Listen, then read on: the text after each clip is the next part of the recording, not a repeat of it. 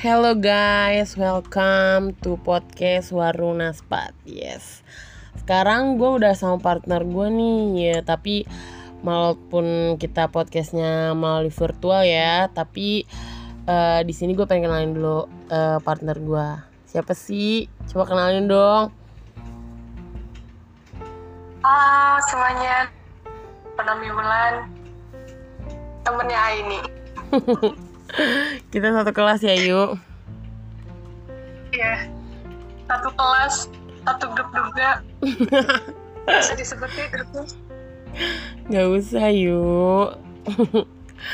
nah, eh, kali ini kita tuh pengen ngebahas satu topik yang biasanya kalau eh, di orang itu kayak masih awam gak sih nih topik?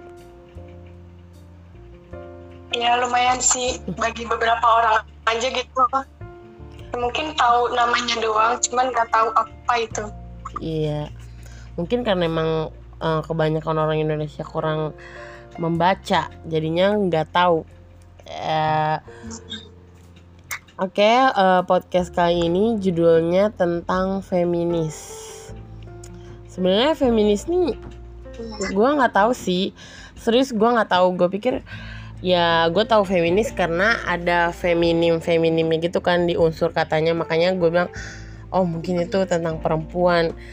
Tapi eh, gue nanya gitu kan ke si Ayu, feminis tuh apa sih Yu? Gitu-gitu. Dan sekarang gue kayak ngerti.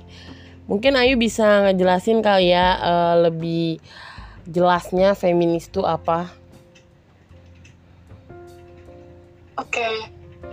Kalau secara definisi sih eh, feminis ini ini ya apa kayak gerakan sosial gitu yang tujuannya itu buat apa ya, mencapai kesetaraan gender baik itu di lingkungan politik, ekonomi, pribadi maupun sosial. Jadi eh, tujuan dari feminis itu ya mencapai kesetaraan gender mau laki atau perempuan itu sama semua semua kedudukannya itu sama mau di bidang apa pun gitu sih kalau dari definisinya ya. Iya, karena kan eh, sekarang itu maksudnya kayak perempuan tuh punya eh, gelar atau punya eh, pekerjaan yang di atas laki-laki tuh kayak apa ya eh, bisa dibilang kayak bikin laki-laki jadi eh, gengsi gitu buat ngedeketin ya enggak sih? Terus atau enggak eh, perempuan tuh selalu dipatahin dengan kata-kata ngapain perempuan tinggi-tinggi tau ujung-ujungnya di dapur juga ya nggak sih? Hmm, sering banget yang kayak gitu. Bosen sampai bosen gitu. Iya, karena kan eh, pada dasarnya kan semua orang ya berhak buat eh, mencapai impiannya masing-masing ya. Iya iya bener banget. Uh, kan maksudnya semua tuh mau cewek apa cowok gitu kita kan sama-sama hak ya sama-sama punya hak buat berpendidikan sama punya hak buat menuntut ilmu terus Hmm. kita sama-sama punya hak buat kerja juga Iya. jadi menurut gua kayak stigma stigma yang nggak usah sekolah nanti uh, nanti juga ujung-ujung itu tuh kayak kuno banget gitu loh karena Iya. sekarang kan itu udah nggak kayak gitu zamannya gitu Iya makanya itu kan maksudnya kayak ya kalau misalkan kita lebih tinggi daripada laki-laki ya kenapa? Toh kita juga tetap menghargai laki-laki. Iya gak sih? iya dan sebenarnya tuh tujuannya bukan untuk tinggi dari laki-laki tapi pengen setara aja gitu loh kalau misal bisa bekerja ya cewek juga kalau misal mereka bisa berpendidikan tinggi ya perempuan juga bisa pendidikan tinggi gitu. Nah betul. Soalnya eh, yang gua rasain gitu kalau perempuan itu kalau dia nggak bisa apa-apa dan nggak bisa menghasilkan apa-apa tuh kayak eh, makin direndahin sama laki-laki. Ya walaupun gak semua laki-laki kayak gitu ya. Tapi ya emang pokoknya kalau perempuan bergantung sama laki-laki ya rata-rata eh, perempuan itu bakalan disakitin laki-laki apalagi laki-laki itu udah kayak mapan gitu secara finansialnya. Ya lu tau kan laki-laki akan ngapain. Iya iya benar lain Allah iya maksudnya Iya gue makanya apa? Bener. Maksudnya ya pendidikan tuh dipakai jadi apa ya uh, bilangnya kayak jaminan lu gitu oh seenggaknya kalau misalkan emang suatu saat nanti jangan amit amit gitu ya lu ditinggalin suami lu tapi kan seenggaknya lu punya gel lu punya pekerjaan jadi lu nggak sepenuhnya kayak apa ya kayak kalah banget gitu. Lu masih bisa berdiri di kaki sendiri meskipun tinggalin laki-laki. Betul betul banget itu. Jadi kalau misalkan kayak uh, nantinya kita bakal ditinggalin sama nih cowok sewaktu-waktu kita udah punya pegangan. Kalau kita ini Nah, jadi kalau misalkan sewaktu-waktu uh, kita ditinggal sama suami kita atau pasangan kita, jadi kita nggak usah ribet-ribet carian cari kerja atau cari uh, apa pun itu karena kita udah uh, basicnya kita udah siap gitu. Menurut lu gimana yuk? Hmm. Hmm. bener banget kayak siap lah udah ada gelar terus kalau misalkan kita pertahankan pekerjaan kita waktu pernikahan kan kayak tinggal juga ya kita masih punya pekerjaan yang sebelumnya gitu loh. Kita masih punya pekerjaan kita kita masih punya pendapatan makanya kayak menurut gue pendidikan tuh penting banget buat perempuan biar perempuan tuh seenggaknya kalau misalkan pendidikan tuh mereka bisa berdiri sendiri gitu nggak usah bergantung ke orang nggak usah apalagi ke bergantung ke laki-laki gitu. Betul. Sih apalagi ya apalagi ya maksudnya tuh uh, zaman sekarang kan banyak banget kasus perceraian gitu yang gara-gara perempuannya ditinggalin atau uh, ya mungkin masalah finansialnya atau laki-laki itu selingkuh. Nah terus tiba-tiba uh, si istri kebingungan atau apa kan itu yang kasih kayak kasihan banget. Dia uh, masih punya anak kecil masih punya mungkin dia rumahnya masih ngontrak atau punya tanggungan yang lain-lain kan kasihan banget. Makanya kan sebelum itu harus kayak dipersiapin matang-matang sebenarnya ya.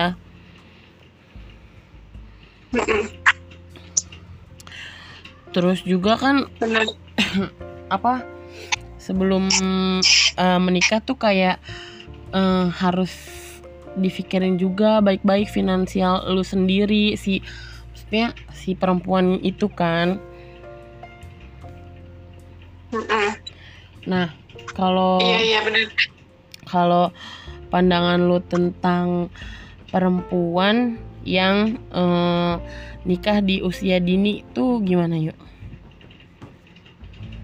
Uh, tergantung alasan alasan dia menikah di usia dini tuh kenapa karena kan banyak ya ada yang sama orang tua atau emang dia hamil dulu ya maaf ya hmm. atau mungkin dia emang pengen gitu muda. Tapi uh, pertama gue bahas yang ini sih yang nikah paksa dulu. Hmm. menurut gue di sangat banget sangat disayangkan banget karena mereka harus menikah di usia yang sangat muda apalagi mereka terpaksa gitu dari paksaan orang tuanya. Menurut gue kayak uh, anak-anak ini yang dipaksa di usia muda tuh mereka bisa mencapai banyak hal gitu mereka bisa kuliah mereka bisa punya pendidikan tinggi mungkin punya pekerjaan lebih bagus kalau misalkan hmm. misalkan mereka dia itu menikah di usia yang semuda itu gitu hmm. terus sama yang uh, menikah di luar itu mau nggak mau dia harus ini sih menanggung resiko dari apa yang apa yang dia perbuat gitu kalau misalkan uh, melakukan hal tersebut dia hamil dan dia memutuskan untuk menikah ya ya mungkin mungkin bagi dia itu yang ya tapi gue juga sangat disayangkan maksudnya dari tindakan tersebut sampai mengakibatkan dia harus menikah di usia dini itu. Iya kayak makanya ah, sengaja gitu sengaja. Iya kayak Kenapa? makanya kayak uh, harus lebih berpikir lagi nggak sih dalam setiap tindakan? Karena kalau udah kayak gini yang dirugiin itu bukan si laki-laki tapi si perempuannya. Si perempuannya yang bakal di uh, judge abis-abisan sama tetangga keluarga orang-orang di sekitarnya temen-temennya. Ya kan kan? Kasihan banget. Bener. Bener-bener banget. Kayak uh, misalkan nikah muda gitu kan konsekuensinya konsekuensinya juga gitu loh.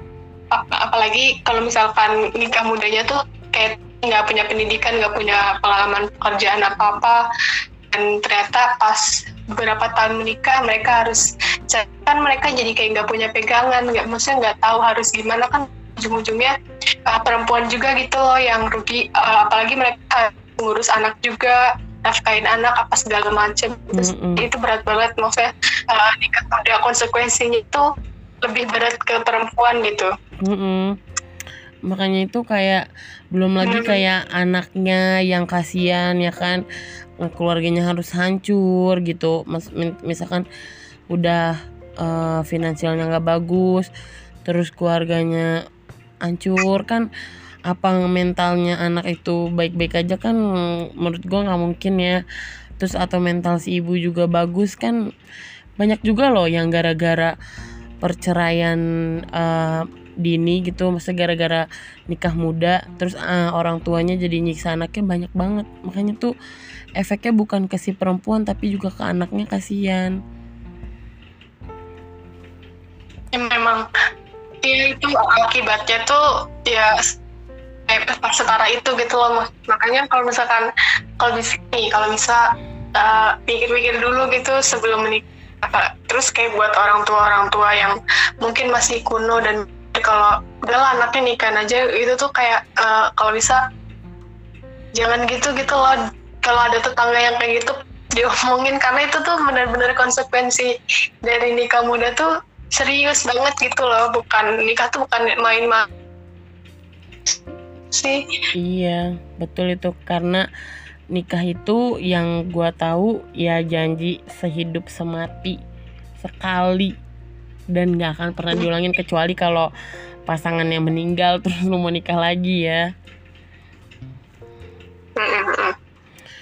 iya iya benar itu Terus em, lu pernah gak sih kayak eh, apa eh, menyuarakan si feminis ini? Maksudnya apa ya? Menyuarakan iya tentang feminis ini gitu. Pernah nggak? Akan apa uh, mungkin ini sih banyak ya. Sebenarnya feminis tuh in- cabangnya banyak ya. Terus ada jenis-jenisnya juga banyak. Tapi mungkin fok yang di gue maksudnya fokus gue itu ini sih di bidang kekerasan seksual terus uh, gender pay sama yang tadi yang pendidikan itu. Kalau kekerasan seksual mungkin gue itu sih sering ngomong kekerasan seksual tuh kayak ke perempuan gimana, terus bentuknya gimana gitu-gitu sih. Terus kayak buat udah sering ngomong juga buat mencegah kekerasan seksual di kampus kalau ada apa-apa sama temennya kampus atau merasa dilecehkan segera laporin gitu Iya. atau enggak kayak temen-temennya tuh segera ini datang ke dia gitu loh kayak menemani dia terus kayak nge dia kalau ada butuh apa-apa Mm-mm. itu sih kalau kekerasan seksual Tapi kalau pendidikan yang tadi sih yang kayak semua iya bentar-bentar oke oke. yang semua perempuan tuh harus ya yang semua perempuan tuh harus uh, punya sama gitu sih kenapa nih Hmm, tapi kalau menurut gue emang iya sih. Gue eh, gue juga di sini lebih menekankan ke kekerasan seksual ya. Karena sayang banget kalau misalkan ada orang yang dapat kekerasan seksual terus dia nggak bisa speak up. Karena gue pribadi gue pernah ngalamin itu udah tiga kali kena dilecehin dan gue nggak berani eh, dan pas yang ketiga kalinya gue berani speak up itu gue ngerasa gue lega banget. Karena emang kalau lu nggak speak up nih masalah pelecehan seksual di umum atau gimana tuh orang maka, malah tambah kayak ya udah santai jadi merasa lu menikmati apa yang dia lakukan hmm. Mak. bener-bener terus kayak nggak ada jerat selain nggak ada jeratnya buat dia eh, pelecehan seksual tuh apa ya efeknya ke korban dalam banget gitu loh mungkin kayak kayak gue juga pernah ya Eh, jadinya tuh kalau di gue kayak gue tuh nggak bisa percaya gitu loh ke orang tersebut. Kayak orang yang orang yang gue tahu pernah melakukan pelecehan seksual pun itu gue nggak bisa percaya ya gitu mungkin jadi kayak lebih lebih takut dan puas gitu ke lawan jenis. Takutnya kayak takutnya ada yang kayak gitu lagi. Jadi tuh kayak pelecehan seksual tuh apa ya menurut gua efeknya gede banget gitu loh dampaknya ke korban. Iya apalagi kalau misalnya emang yang sampai berat iya iya bener-bener kenapa? Iya maksudnya tuh kayak eh, bukan eh, dampaknya tuh bukan ke sekarang aja bahkan ke masa depan gitu. Jadi gak nggak percaya sama eh, laki-laki atau nggak percaya misalkan kalau ketemu orang di jalan gitu jadi takut jadi ya pokoknya jadi ke ketakutan berlebihan lah gara-gara si gara-gara dilecehin sama si orang itu benar-benar. Makanya um, makanya gue sebisa gue sih gitu ya. Mungkin kan uh, apa sih jangkauan gue atau temen-temen gue belum terlalu banyak itu jadi kayak gue sebisa mungkin ya uh, ngasih awareness gitu ke teman-teman di sekitar gue dulu tentang kekerasan seksual itu gimana terus cara kita buat nanggepinnya gimana gitu. Biar kayak ya misalkan emang gue nggak bisa meng, eh, apa ya ngasih ke orang yang lebih luas gue bisa ngasih tahu ke orang-orang sekitar gue dulu gitu. Nah iya Itu sih itu. makanya jangan bosan ya kalau gue. Iya jangan bosan kalau gue ngomongin panjang lebar tentang kekerasan seksual dan sebagainya. Enggak karena emang nggak tahu bisa. Gitu loh.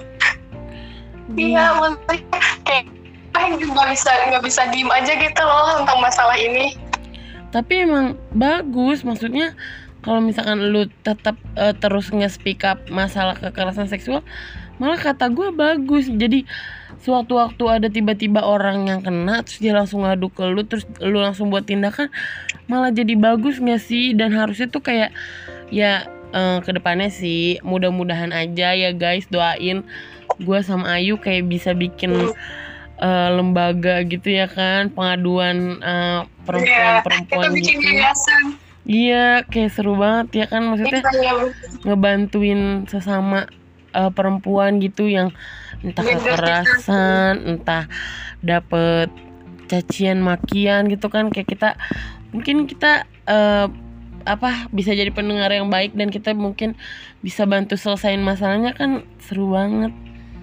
Seru deh. Iya iya benar kita pengen aja gitu pengen ngebantu pengen ngedengar mereka pengen kayak ngerasa apa ya biar mereka tuh ngerasa kayak nggak sendirian gitu loh meskipun Mm-mm. mereka jadi korban Bener. terus mereka nggak nggak takut lagi buat speak up atau nggak mereka buat apa ya melakukan yang emang seharusnya dia lakukan sebagai gitu sih Iya, jadi kita kayak ngembaliin apa yuk?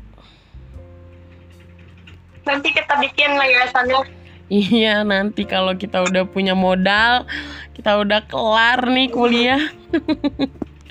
Kita udah punya jangkauan yang luas Ya bisa lah kita bikin. Eh, Maksudnya eh, Bisa. ngemba- nge- Ngebalikin kepercayaan mereka gitu loh. Karena kan setelah trauma pasti ada kepercayaan yang rusak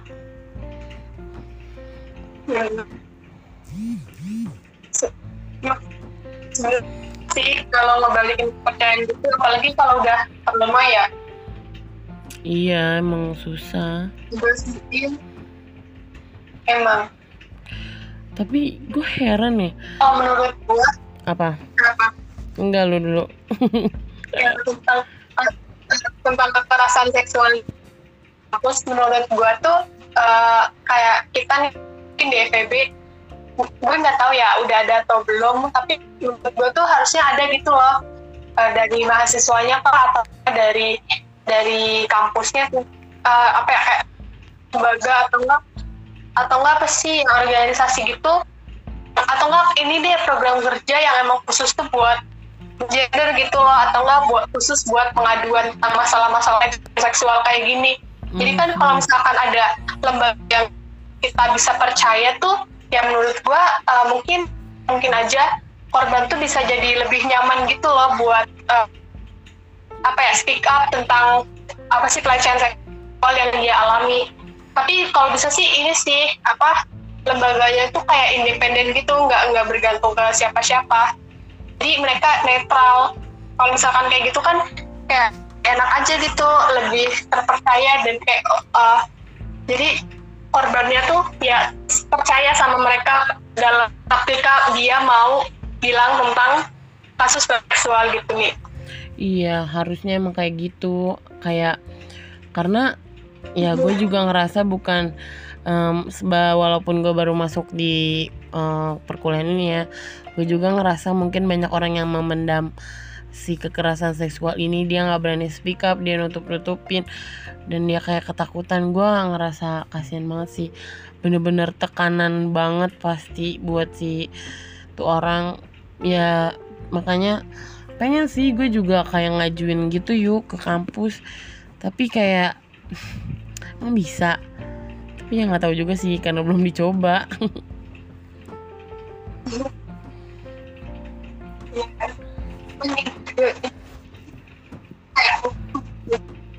emang udah ada tuh mungkin dari SMA udah ada jadi yuk sorry yuk. gue tiba-tiba putus itu kan kayak putus putus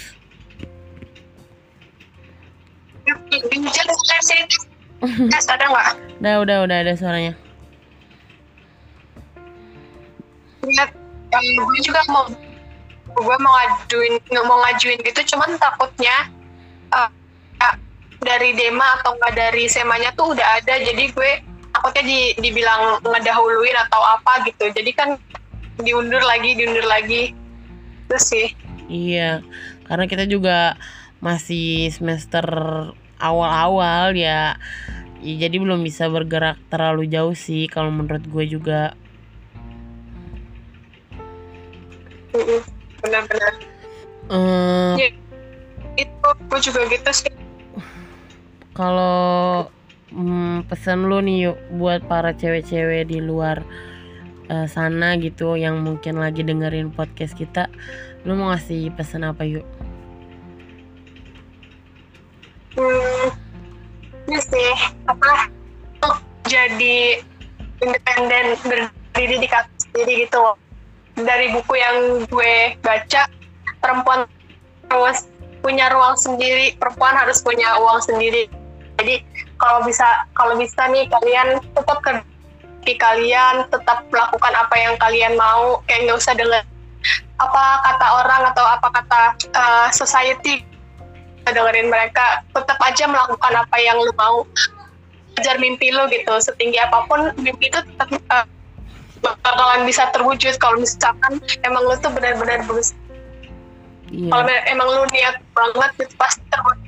Mimpi lu jadi jangan takut bermimpi terus aja kejar mimpi lu suatu saat nanti udah bergantung lagi gitu ke orang bergantung ke diri lu sendiri Ya betul betul banget, sumpah betul banget.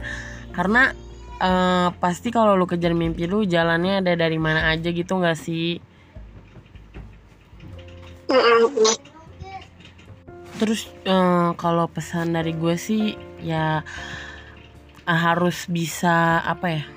Maksudnya karena kan perempuan zaman sekarang gampang tergoda nih. Maksudnya gue bukan em, menjatuhkan perempuan itu. Maksudnya gue kalian jangan gampang tergoda sama harta laki-laki deh karena percaya sama gua kalau laki-laki udah dapetin apa yang dia mau tuh eh, maksudnya misalnya dia udah kaya nih dia bisa dapetin apa yang dia mau gitu karena nanti kak kasihan kalian gitu guys. Kalian dipermainkan. Maksud gua tetap pertahanin harga diri kalian. Jangan sampai harga diri kalian tuh eh, nggak maksudnya udah nggak ada harga diri udah berantakan itu kasihan banget.